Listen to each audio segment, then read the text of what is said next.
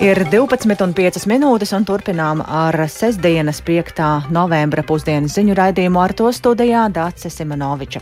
Un vispirms par dažiem šīs dienas tematiem. Krievija turpina gaisa uzbrukumus Ukrainai, Latvijā ar jaunu mobilo lietotni veicinās mediju pratību, un pērn Latvijā no vēža miruši 3000 vīrieši. Daļu gadījumu varētu novērst laikus vēršoties pie ārsta. Arī par to turpmākajās minūtēs.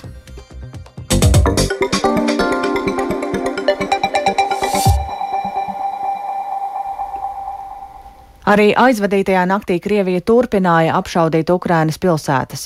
Ukrainas prezidents Volodimirs Zelenskis paziņoja, ka Krievija joprojām turpina mobilizāciju, lai uz fronti nosūtītu nesagatavotus karavīrus. Augsta līmeņa ASV amatpersona ir apliecinājusi, ka arī pēc kongresa vēlēšanām Vašingtonas atbalsts Ukrainai nemazināsies. Turpina Uldis Česberis. Visā Ukrainā šorīt skanēja gaisa trauksme, brīdinot par iespējamiem triecieniem. Tas notika pēc tam, kad aizvadītajā naktī jaunus Krievijas uzbrukumus piedzīvojuši Ukrainas austrumi. Krievijas spēki no okupētās Enerhodaras pilsētas, kur atrodas Zaporīžas atomelektrostacija, ar reaktīvo artilēriju un smago artilēriju apšaudījuši ciematus Červono Hrihorivkas, Marhanecas un Nikopolis rajonos Ņipropetrovskas apgabalā. Nikopoles rajona virzienā izšauti gandrīz 40 lādiņi. Apšaužu rezultātā bojāti vairāki desmiti dzīvojamo namu un gāzes cauruļvads. Par laimi nav cietušo un bojā gājušo. Savukārt Zaporīžas apgabals apšaudīts ar raķetēm S-300. Uzbrukumu rezultātā bojātas trīs uzņēmumu ēkas un automašīnas. Nav ziņu par cietušajiem. Ukrainas bruņoto spēku ģenerālštāps paziņojis, ka aizvadītajā diennaktī ir likvidēti 600 iebrucēji no Krievijas. Līdz ar to kopējais Ukrainā kritušo Krievijas karavīru skaits esot sasniedzis 75 tūkstošus. Ukraina joprojām neatklāja savus dzīvā spēka zaudējumus karā. Ukrainas prezidents Volodimirs Zelenskis paziņojis, ka frontē pašlaik vissīvākās cīņas norisinās pie Bahmutas un Solidaras pilsētām Donetskas apgabalā. Mēs noturam savas pozīcijas. Šajos un citos virzienos Donetskas apgabalā Krievijas armija jau ir iztērējusi tik daudz savu cilvēku dzīvību un tik daudz munīcijas, cik tā iespējams nav iztērējusi abos Čečenijas karos kopā. Ale Реальний рівень втрат Росії приховується від російського ж Bet patiesais Krievijas zaudējuma apmērs tiek slēpts no Krievijas sabiedrības. Viņi pat tagad melo par mobilizāciju, apgalvojot, ka tā it kā ir pabeigta. Bet patiesībā viņi Krievijas reģionos un mūsu okupētajās teritorijās turpina vākt cilvēkus, lai sūtītu viņus nāvē.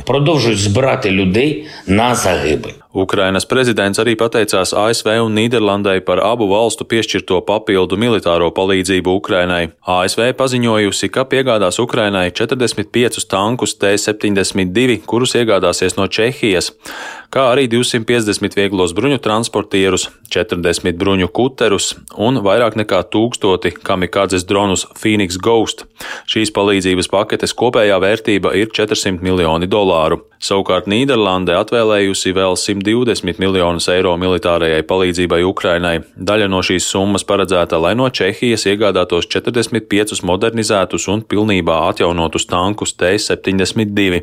Vakar Ukrainas galvaspilsētā Kīvā iepriekš neizziņotā vizītē ieradās ASV prezidenta padomnieks nacionālās drošības jautājumos Džeiks Salivans.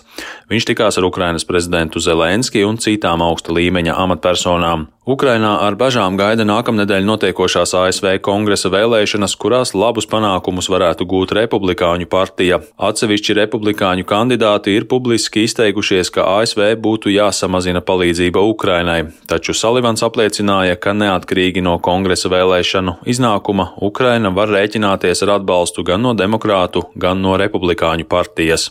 Uldis Česberis, Latvijas radio.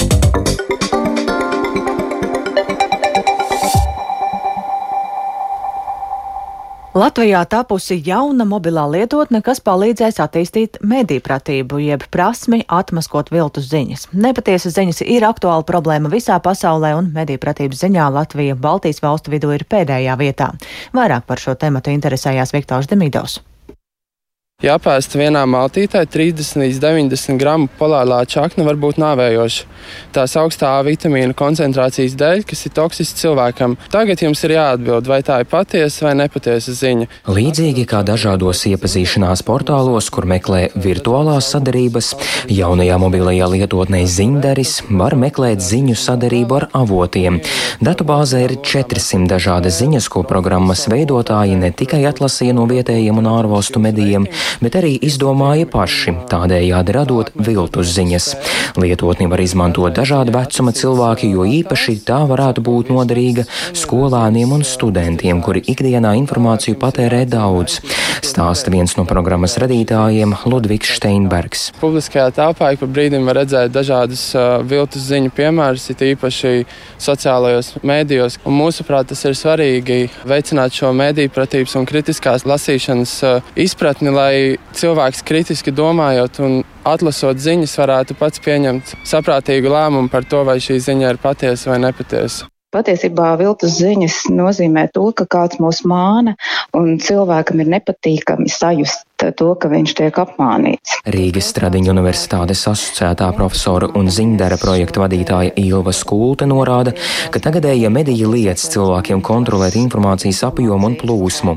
Neapzinādamies nepatiesās informācijas iespaidu, cilvēki ļoti bieži nenovērtē savu mediju pratību. Tas, ka katrs mans solis informācijas telpā ir rezonanci gan manā paša, gan citu cilvēku dzīvēs. Tādēļ būtu svarīgi izkopt šo mēdīju pratību.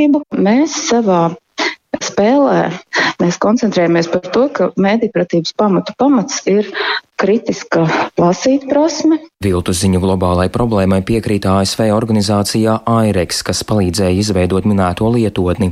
Tās Baltijas medīpratības programmas vadītājs Kaspars Rūklis atzīmē, ka Latvijā medīpratības veicināšanā notiek daudz pasākumu, taču atsaucoties uz pētījumiem, Baltijas valstu mērogā Latvija ir pēdējā vietā. Nu, jāpievērš varbūt lielāka uzmanība tādai spējai ātrāk reaģēt arī auditorijai, kas pārsvarā iegūst informāciju Krievu valodā, eh, arī jauniešu auditorijai, kas varbūt mazāk izmanto kvalitatīvos tradicionālos mēdījus, biežāk cieš no dezinformācijas, jo, jo saņem šo informāciju sociālajos mēdījos, kur tā nu, netiek vienmēr pārbaudīta un profesionāli sagatavota. Lietotni Zinderis, kas veicināšot mediju pratību, cilvēkiem būšot pieejama jau drīzumā. Viktors Demidovs, Latvijas radio. Pērn Latvijā no vēža miruši 3000 vīrieši, un daudzos gadījumos tas saistīts ar novēlē, novēlotu vēršanos pie ārsta. Lai pievērstu plašāku sabiedrības uzmanību šiem jautājumiem, katru gadu novembrī ir vīriešu veselības mēnesis. Par to plašāk Agnijas Lazdiņas ierakstā. 2015. gadā Fonda vīriešu veselībai vadītājs Edgars Āboliņš uzzināja, ka viņam ir prostatas vēzis. Nevajag no tā baidīties, ieraudzīt šo rezultātu. Ir jābaidās no tā, kas notiks tad, ja to vēžu, teiksim, esamību es uzzināšu stipri par vēlu. Saslimšana tika atklāta laicīgi, kas, kā norāda Āboliņš, bija pateicoties ģimenes ārstam un regulārām prostatas antigēna testa pārbaudēm. Braucot garām onkoloģijas centram, vienmēr padomāju, ah, nē, nu tur jau es ar gadiem nenokļūšu, tā kā nekad nevajag domāt, ka tas ar mani nenotiks, tas ir zināmā mērā pašapmāns. Pēc prostatas vēža diagnosticēšanas sekoja citas pārbaudes, slimnīca, operācija un atvesaļošanās laiks. Agrīni atklājot vēzi, tas veiksmīgi tika izārstēts un šobrīd āboliņš ir vesels. Diemžēl kopējā situācija Latvijā nav tik pozitīva. Pasaules veselības organizācija atzinusi Latviju par valsti ar īpaši augstu mirstību darbspējīgā vecumā. 2021. gadā no ļaundabīgiem audzējiem miruši 3000 vīriešu, savukārt prostatas vēzis Latvijā ir biežākā onkoloģiskā saslimšana vīriešu vidū un katru gadu cīņu ar šo slimību zaudē divas reizes vairāk vīriešu nekā vidēji Eiropas Savienībā. Arī slimību profilakses un kontrolas centra dati liecina, ka pagājušajā gadā no prostatas vēža miruši 426 vīrieši. Priekšlaicīgas nāves iemesls - novēlota vēršanās pie ārsta. Ģimenes ārsts Ainis Zalps norāda, ka joprojām lielā mērā vīrieši ir gatavi runāt par šiem jautājumiem tikai tad, kad problēma jau ir akūta svarīgi mums, kā ģimenes ārstiem, būt tādiem gan saprotošiem, gan labām uzticības personām, ka pacienti nāk pie mums runāt ne tikai par augstu asinsspiedienu, cukuru un holesterīnu, bet uztic mums arī tādus daudz sensitīvākus jautājumus. Arī biedrības Latvijas ģimenes ārstu asociācijas valdes loceklis Pauls Princis atzīst, ka vīriešu skaits Latvijā, kas ir miruši no onkoloģiskajām saslimšanām, būtu daudz mazāks, ja veiktu regulāras pārbaudes. Agnija Lazdiņa speciāli Latvijas radio.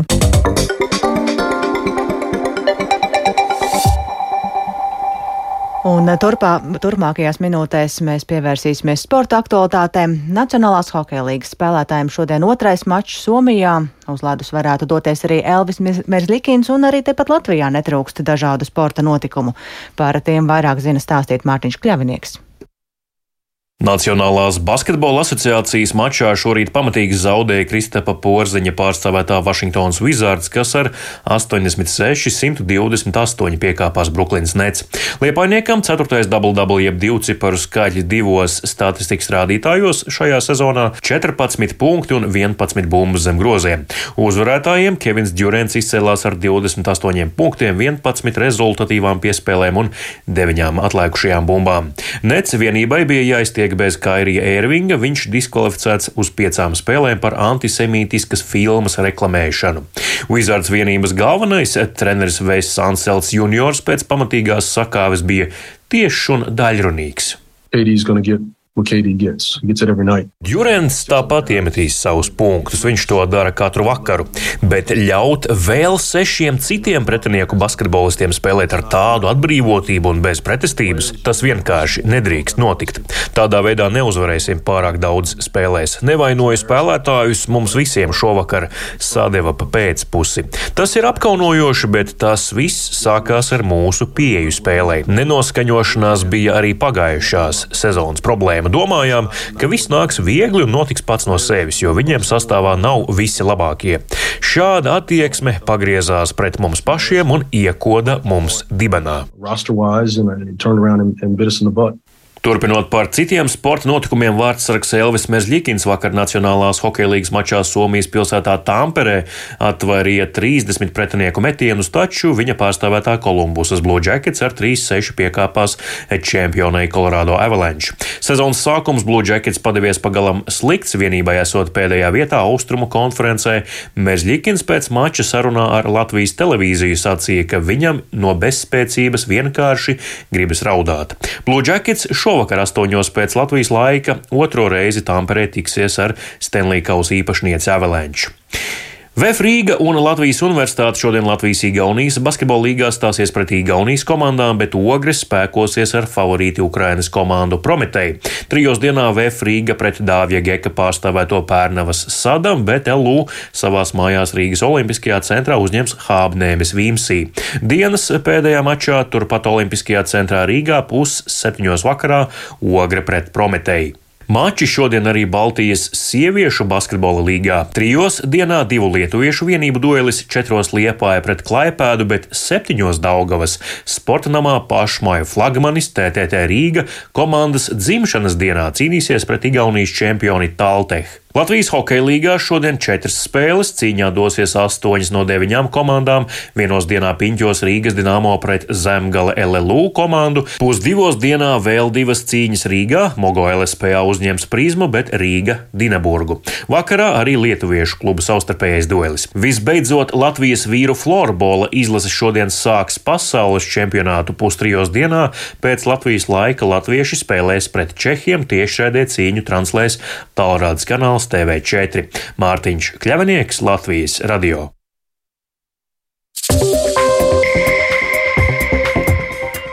Un ar to izskan ziņu dienesta veidotā programma Pusdiena. Producents Edgars Kopčs ierakstus montēja Uldis Grīnbergs par labskaņu rūpējās Kristaps Eida un ar jums sarunājās Dācis Semenoviča. Vēl īsi par svarīgāko Krievija turpina gaisa uzbrukumus Ukrainai. Latvijā ar jaunu mobilo lietotni veicinās mediju pratību, un pērn Latvijā no vēža ir miruši 3000 vīriešu. Daļu gadījumu varētu novērst laikus vēršoties pie ārsta. Mūsu ziņām var sekot līdzi arī Latvijas radio viens Facebook lapā, tāpat arī sabiedrisko mediju ziņu portālā LSMLV, un raidījuma atkārtojums ir meklējams arī raidierakstu platformā kā dienas ziņas un Latvijas radio lietotnē. Mūs var klausīties savā vietā, runī jebkurā laikā un vietā.